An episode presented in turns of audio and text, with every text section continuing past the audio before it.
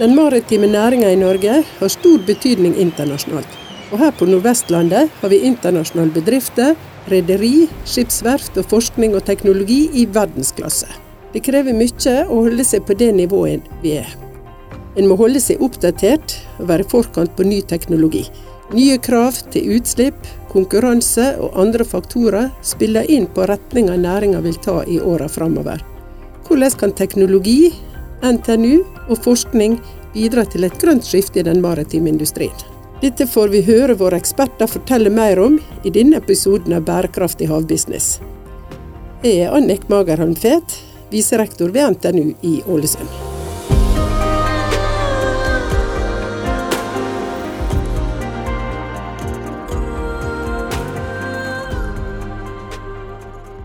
Det er viktig at akademia er tett på næringslivet og driver forskning og samarbeid som er relevant for behovene til bedriftene.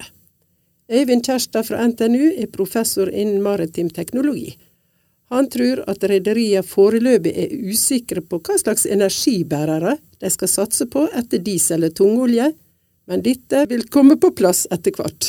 Eh, altså Effektbehovet på en båt er jo kvadratisk med fart, så bare det å kjøre litt saktere vil jo ha et stort stor effekt av. Er det alle skip det passer for? Nei, det er nok ikke alle skip som kan gå saktere for å redusere utslippene sine. Det passer nok ikke så veldig bra. Så, så det, det, vi bruker å snakke litt om, det er at det er ikke one size fits all. Man, nå har man hatt diesel, og det virker på alt, stort sett, eller tungolje. Og i dag så, så er det tilfellet, men snart så vil ikke det være det. Så da må du tilpasse. Kanskje du må ha hydrogen på enkelte skip, der det er mest optimalt. Kanskje man har diesel med renseteknologi på Anna, eller LNG med renseteknologi. Så man vil se sikkert en mer segmentering. Og Det er jo veldig spennende, for det ligger jo mye mulighet i det. Hydrogen det er jo, det er jo veldig interessant uh, som, som uh, uh, energikilde. Fordi at det har jo en enorm brennverdi. Det betyr at hvis du har det, er veldig mye energi i det, da. Men problemet er at når gassen er så liten, så, du, så må du så enormt høyt trykk for å få med deg mye. Så det som skjer, typisk på en båt, er at du får med deg mindre total energi. Selv om du har store tanker. Så rekkevidden blir litt kortere med det. Men det er jo ikke noe utslipp, så det er jo fint gitt at det er produsert på fornybart. Men det som er litt utfordringa med hydrogen, som jeg syns er kanskje litt, kanskje litt underkommunisert, det er at hvis vi skal lage hydrogen, så må vi ha strøm. Sant? For vi må gjøre det med elektrolyse for å gjøre det grønt. Og Det som skjer, det er at vi kaster vekk tre fjerdedel av den energien før vi kan få det ut på en propell eller på en bil, på bilhjul. Så hvis vi har 400 kWt, så får vi ut, når vi har gått via hydrogen tilbake igjen til elektrisitet og til da rotasjon, 100 kWt. Og da ser man jo at eh, på en del applikasjoner så vil det kanskje være bedre å bruke et batteri. For da har du de 400 kWt dine som du kan putte inn på et batteri med 5-10 tap før du har det ut igjen på propellhjul eller hva du skal bruke, da, mekanisk. Så da, da sitter man igjen med ganske mye mer. Det, det som er med ammoniakk, det er jo veldig likt hydrogen på mange måter, men ammoniakken er enklere å håndtere om bord i båten sånn, sånn eh, på en måte, men på den andre sida så er det så forferdelig giftig. hydrogen er ikke giftig. Ammoniakk, hvis du får en lekkasje av det, da må du sperre av et stort område, evakuere båten og sånne type ting. Så ammoniakk f.eks. i cruiseskip det tror jeg blir veldig vanskelig. Så har vi metanol. Metanol det er jo når du forbrenner, så blir det fortsatt CO2. da. Så da kommer det an på hvordan denne metanolen er produsert. LNG da? LNG er jo naturgass, flytende naturgass, som i praksis er metan. Og Den er jo fin på mange måter, for når du brenner den, så får du typisk en reduksjon på 20-25% kanskje med, med CO2. Og så NOx og, og svovel og partikler og sånt, det blir kraftig redusert sammenlignet med diesel. Så den er, den er absolutt et renere alternativ, men den er, ikke, den er absolutt ikke CO2-fri, da. Over Voldseth Lien kommer fra Vard, en av de største store aktørene blant skipsverftene på Sunnmøre. Verftet er en global leverandør av skip og teknologi og de jobber kontinuerlig med å holde seg oppdatert på ny teknologi og utvikling innen alternative energikilder. Angående utslipp, hva slags forskning foregår på alternative energikilder? Er det en måte ny teknologi bidrar til å redusere utslipp? Det blir veldig mye etterspurt om dagen. Eh, det er flere som er opptatt av det enn av digitalisering, faktisk, eh, når det gjelder kundene våre. Og det er jo for fordi, som dere kanskje vet, at det kommer til å bli en gradvis tilstramming på avgiftssida på CO2. Det er ikke lett for skips- eller operatørene, da, rederne, å velge. For det er veldig flere løsninger. Vi har hydrogen, vi har ammoniakk og vi har metanol. og alle disse tre er jo da Det er jo de viktigste, kan du si. da og så forskjellige måter å omgjøre dem til energi om bord i skip på. Og vi klarer ikke å peke på én bestemt uh, energibærer, som dette er tross alt er. da. Det er jo ikke en energikilde, egentlig. Uh, foreløpig. Så vi driver egentlig og utvikler uh, flere parallelle løp, da. slik at vi er forberedt på, på de forespørslene som kommer. Så er det også det med infrastruktur på land det er jo selvfølgelig også viktig. Tilgang på disse drivstoffene kommer til å være avgjørende. Er næringa rask nok nå til å ta i bruk ny teknologi og bruke det til en konkurransefortrinn? Ja, det tror jeg. Vi er innenfor, eh, hvis vi tar innenfor alternativ drivstoff, da, eller alternative energibærere, så eh, næringa ser jo veldig klart vi ser jo veldig klart at dette her er et viktig tema nå. Og det er jo et kjempeviktig tema internasjonalt. Um, og vi har en bedre kompetanse enn mange andre uh, miljø har på dette her, som vi kan dra nytte av. Selv om det er mange ubesvarte spørsmål, så tror jeg at vi har en, uh, et utgangspunkt, og ikke minst en bedriftskultur uh, i Norge som gjør oss i stand til å utnytte dette her, uten tvil. Har du et eksempel på et godt prosjekt som du vil trekke fram? Ja, Hvis vi ser på næringa under ett, ikke bare Vard, så er det jo eh, det, det første prosjektet som går på hydrogen eh, i Norge nå, er jo i ferd med å eh, Det var ferge som eh, allerede vært i drift en stund eh, på, eh, i Ryfylke, som har gått på batteri til nå. Og de er jo nå i ferd med å gå over til hydrogen, da. der de skal bruke brenselceller og komprimert hydrogen i tanker oppe på dekk for å gå litt i detalj. da.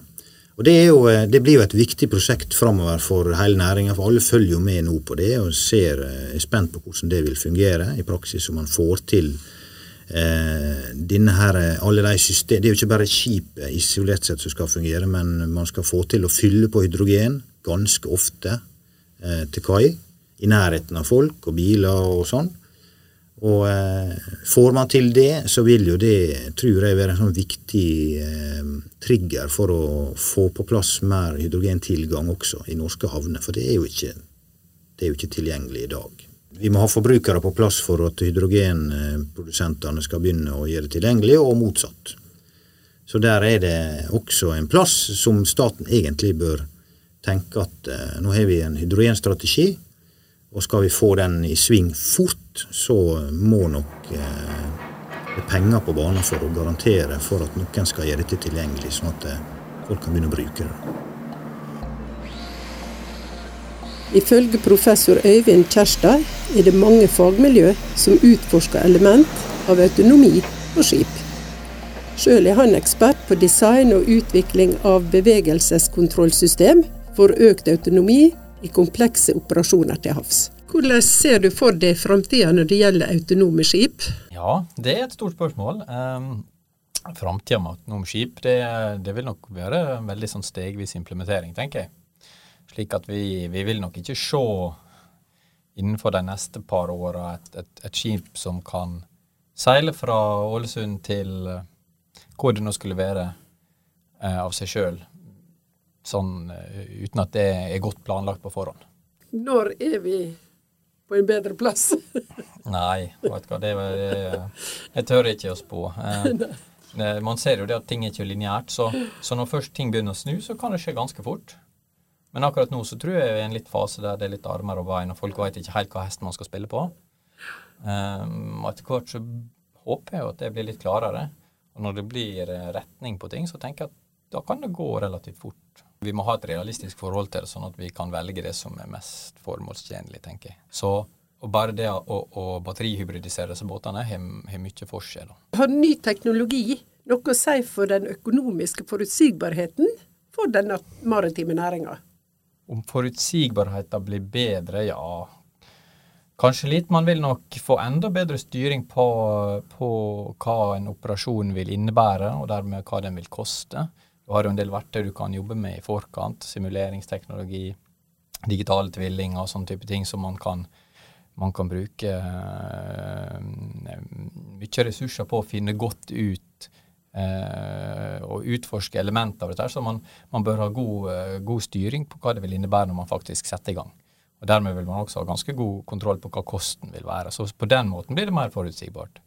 På det med autonomi så er det jo hvis du reduserer mannskapet som sannsynligvis ligger ganske langt fram i tid, så vil jo det også ha en økonomisk implikasjon, da, som kan eller kan ikke være.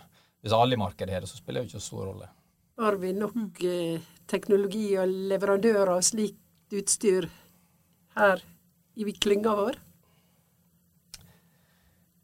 Ja, jeg veit ikke, faktisk. Vi, har absolutt kompetansen tilgjengelig.